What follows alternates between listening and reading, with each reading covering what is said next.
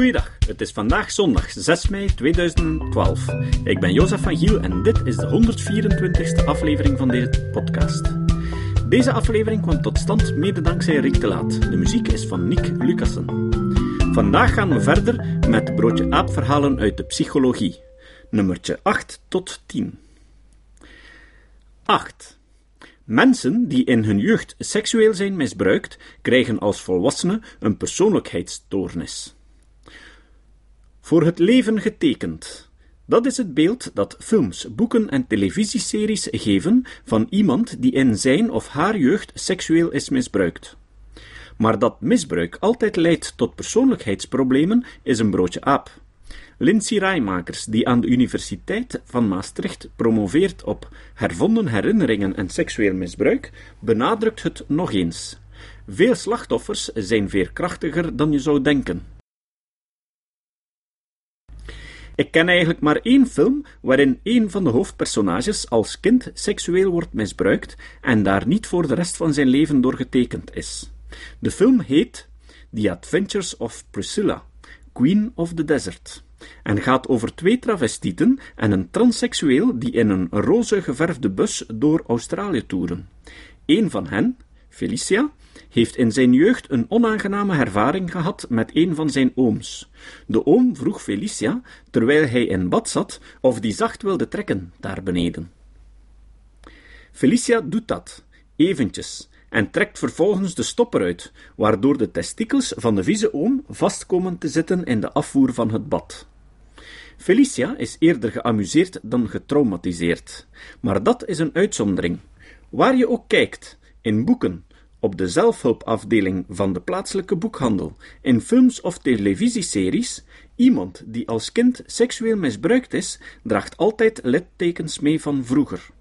Hij of zij kan niet meer intiem zijn met anderen, heeft geen zelfvertrouwen, is gesloten en of emotioneel labiel en niet zelden zelf ook gewelddadig of misbruikerig. Hun persoonlijkheid heeft er kortom ernstig onder te lijden gehad. Een aanname die ook nog eens door meer dan twee derde van de mensen wordt onderschreven. Maar klopt dit Hollywood-beeld van misbruikte kinderen eigenlijk wel?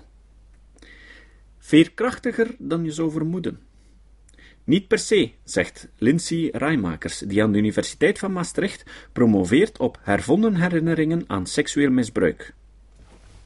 Natuurlijk lijden slachtoffers van seksueel kindermisbruik onder de gevolgen van het misbruik, vaak tot lang nadat het misbruik is afgelopen. Sommigen van hen ontwikkelen op lange termijn zelfs een fors psychologisch probleem. Toch is het zeker niet zo dat de meerderheid van de slachtoffers er ernstige problemen aan overhoudt. Veel slachtoffers zijn namelijk veerkrachtiger dan je zou vermoeden als je afgaat op wat je op televisie ziet. Sommige jonge slachtoffers tonen zelfs zoveel veerkracht dat ze als volwassenen net een verrassend sterke en gezonde persoonlijkheid vertonen, vertelt Rijmakers. Denk bijvoorbeeld aan Sabine Dardenne, een van de slachtoffers van Marc Dutroux. Zij werd ontvoerd en maandenlang fysiek en seksueel mishandeld. Toch vormt zij het toonbeeld van een onverwachte kracht waarover een mens kan beschikken. Niet iedereen is hetzelfde. Dat betekent natuurlijk niet dat elk slachtoffer er zonder kleerscheuren doorheen komt. Uit recent onderzoek blijkt dat seksueel kindermisbruik gerelateerd is aan een reeks persoonlijkheidsstoornissen op latere leeftijd, waaronder de paranoïde, schizoïne, borderline en ontwijkende persoonlijkheidsstoornis, zegt Rijmakers. Maar dat wil nog niet zeggen dat het misbruik ook de oorzaak is van die problemen, benadrukt ze. En bovendien, niet elk slachtoffer is hetzelfde. Individuele slachtoffers reageren verschillend op hun misbruikverleden. Een zwak verband. Daardoor blijft het verband tussen misbruik aan de ene kant en persoonlijkheidsstoornis aan de andere kant erg zwak, melden ook Scott Lilienfeld en co. in hun boek De 50 grootste misvattingen in de psychologie. Zij halen een onderzoek aan van drie psychologen uit 1998, waaruit blijkt dat de link tussen beide zaken bijna nul was. De reacties op dat onderzoek waren toentertijd niet mals, schrijft Lilienfeld. De wetenschappers in kwestie werden er zelfs van beschuldigd dat ze eigenlijk wilden bepleiten dat pedofilie geen kwaad kon. Ook in Rijmakers ervaring is de link tussen seksueel misbruik en latere problemen niet erg sterk, hoewel iets duidelijker aanwezig in het onderzoek uit 1998. Er is dus zeker geen sprake van een sterk verband, zegt ze. Het gevaar van een foute diagnose. Toch blijven veel therapeuten bij de Hollywood-veronderstelling dat seksueel misbruik wel zijn sporen moet nalaten, schrijft Lilienfeld. Dat is eigenlijk ook niet zo verwonderlijk, want zij zien op hun spreekkuur natuurlijk alleen die mensen met een misbruikverleden die al in de problemen zitten. Maar het is belangrijk dat ook de therapeuten zich realiseren dat er een gat zit tussen hun werkelijkheid en de wetenschappelijke feiten. Rijmakers onderschrijft dat. Onderzoekers waarschuwen terecht voor het geven van een foute diagnose aan slachtoffers van seksueel misbruik. Zou je bijvoorbeeld een persoonlijkheidsstoornis vaststellen waar er eigenlijk sprake is van posttraumatische stress, dan krijgt het slachtoffer niet de juiste behandeling. En dan kan het gebeuren dat de patiënt vast blijft hangen in zijn of haar klachten. Zo kan een psychologisch broodje aap er juist voor zorgen dat slachtoffers wel hun hele leven last houden. En dat kan niemands bedoeling zijn. 9. Wanneer we weten dat we gaan sterven, gaan we door een aantal vaste rouwfases heen. Ontkenning, woede, onderhandelen, depressie, acceptatie. Dit zijn de vijf opeenvolgende fasen die iemand doormaakt als hij weet dat hij binnenkort doodgaat. Helaas is het onzin, ontdekten wetenschappers. Sterven is net zo individueel als leven. Toch blijft deze mythe onverminderd populair, aldus de Vlaamse klinisch psycholoog Manu Kersen van de Katholieke Universiteit van Leuven. Het spijt me, maar u sterft verkeerd. Je eigen dood accepteren volgens een vast programma, dat is wat psychiater Elisabeth Kubler-Ross eigenlijk voorstelde toen ze aan het eind van de jaren zestig het rouwen over je eigen naderende einde opdeelde in vijf stadia. Volgens haar theorie gaat iemand die weet dat hij binnenkort doodgaat door deze opeenvolgende fasen: ontkenning, woede, onderhandelen. Goed, ik leg me erbij neer dat ik doodga, maar ik wil pas sterven na de bruiloft van mijn dochter, oké? Depressie en tot slot acceptatie. Door die vijf fasen te benoemen, heeft ze een hoop goeds gedaan, vertelt de Vlaamse klinisch psycholoog Manu Kersen van de Katholieke Universiteit Leuven. Elisabeth heeft een belangrijke waarde gehad in het doorbreken van een taboe op de dood. Maar, tekent hij eigenlijk aan, gelijk had ze niet. Haar constructie met vijf stadia berust op geen enkele grond en is in de wetenschappelijke literatuur ook sterk bekritiseerd. Mensen maken geen vijf stadia door, maar tussen de één en de duizend.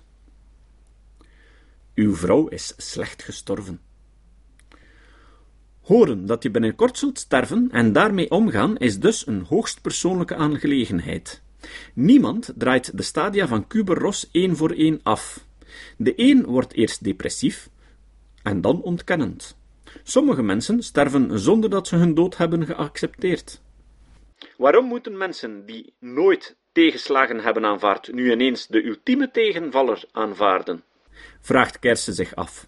Bovendien is het gedrag van stervende mensen, net als mensen die niet leven met het besef dat het binnenkort gedaan is, afhankelijk van waar en met wie je bent.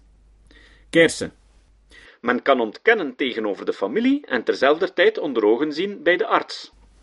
Toch worden de fases van Kubler-Ross door veel professionals in de psychologie en de stervensbegeleiding nog steeds als heilige standaard gehanteerd, bevestigt Kersen. Hij komt de mythe nog vaak tegen en vertelt. Haar model is een beschrijving van emoties en reacties, en het neigde te verworden tot een voorschrijven. En dat is schadelijk. Bijvoorbeeld, als iemand vindt dat een patiënte slecht gestorven is omdat ze niet tot aanvaarding is gekomen, of als een gedreven begeleider een patiënt terugroept omdat hij twee stadia heeft overgeslagen en van ontkenning naar depressie is gegaan. Maar ik wil liever nog wat leven. Scott Lilienfeld, een van de schrijvers van het boek De 50 grootste misvattingen in de psychologie, kent het probleem.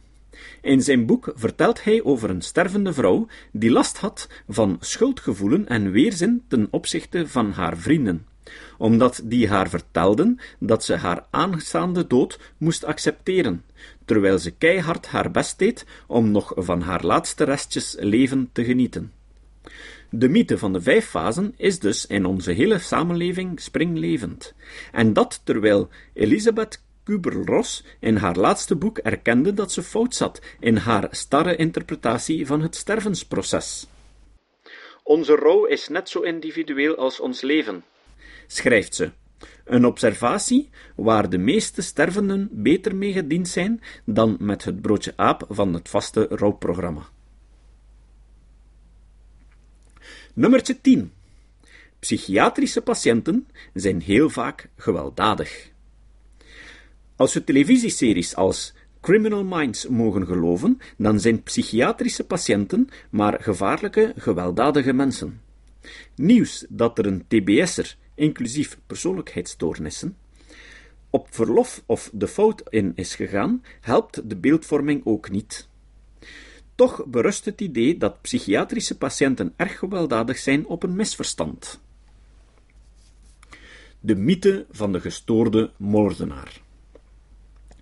Als je op televisie afgaat, lijkt het wel alsof geweld en psychiatrische patiënten onlosmakelijk met elkaar verbonden zijn. In de serie Criminal Minds gaat een groep FBI-gedragsdeskundigen elke aflevering weer op jacht naar de gevaarlijke dader van een gruwelijk misdrijf, die ze proberen op te sporen door uit de plaats van het delict sporen van zijn gestoorde gedrag af te leiden. En wat hebben de filmklassiekers Psycho, Friday the 13th, Halloween en Texas Chainsaw Massacre gemeen? Precies. Elke gruwelijke moord werd gepleegd door iemand met een psychiatrische aandoening. Deze films zijn overigens geen uitzondering. In zo'n driekwart van de films met een psychiatrische patiënt was die patiënt ook gewelddadig. En trouwens, dat er eens in de zoveel tijd een TBS'er met persoonlijkheidsstoornissen in het echt in de fout gaat, helpt de beeldvorming ook niet. In een Amerikaans onderzoek bleek dat maar liefst 85% van de berichten over mensen met een mentale ziekte ging over gewelddadige misdrijven.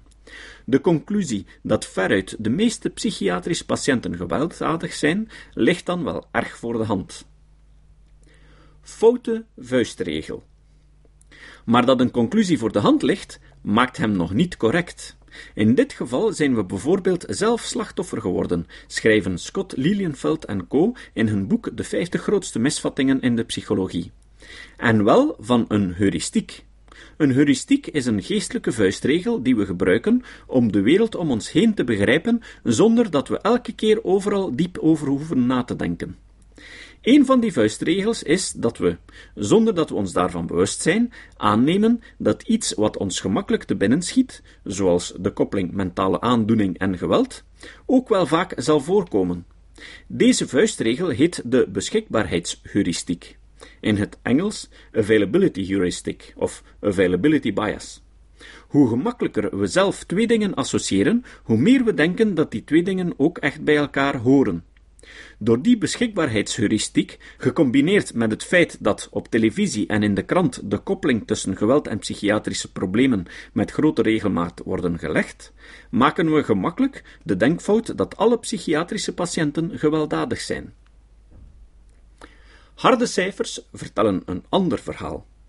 Uit onderzoek blijkt echter dat dit helemaal niet klopt, vertelt Lilienfeld. Zelfs de psychiatrische patiënten die door de aard van hun stoornis het meest geneigd zijn tot geweld, mensen met schizofrenie of bipolaire stoornis, zijn in werkelijkheid maar een heel ietsje gewelddadiger dan de doorsnee man of vrouw. Voor de rest van de patiënten geldt zelfs dat ze helemaal niet verschillen van Jantje doorsnee, of zelfs minder gewelddadig zijn. Bovendien, als iemand met schizofrenie of bipolaire stoornis daarbij geen drugs of alcohol gebruikt en keurig hun medicijn nemen, dan verdwijnt zelfs dat laatste beetje bovengemiddelde gewelddadigheid. Dat blijkt ook uit cijfers. Laten Lilienveld en co zien. Meer dan 90% van de mensen met een zware mentale stoornis plegen nooit een gewelddadig delict. En van alle geweldmisdrijven wordt maar 3 tot 5 procent door psychiatrisch patiënten gepleegd. Sterker nog, schizofrenen hebben veel meer kans om slachtoffer te zijn van geweld dan dader.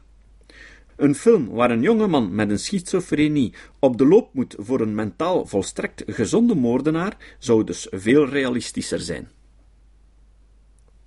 Het citaat. Het citaat van vandaag is van Richard Feynman. Feynman is een van de grondleggers van de elektrokwantumtheorie. Feynman zei: Ik leerde heel vroeg het verschil kennen tussen de naam van iets kennen en iets kennen. Tot de volgende keer. Dit was de podcast Kritisch Denken. Vergeet niet om alles kritisch te behandelen, ook deze podcast. Voor verdere informatie over deze podcast, links en voor de tekst, surf naar www.kritischdenken.info. Als je deze podcast belangrijk vindt, kun je me steunen door anderen warm te maken ook eens te luisteren. Stuur een e-mail naar vrienden met een link naar de website en plaats de link in de handtekening van je e-mails. Tevens kun je op iTunes deze podcast een beoordeling geven of een recensie schrijven. Of je kan op je eigen website of blog een link naar kritisch denken plaatsen.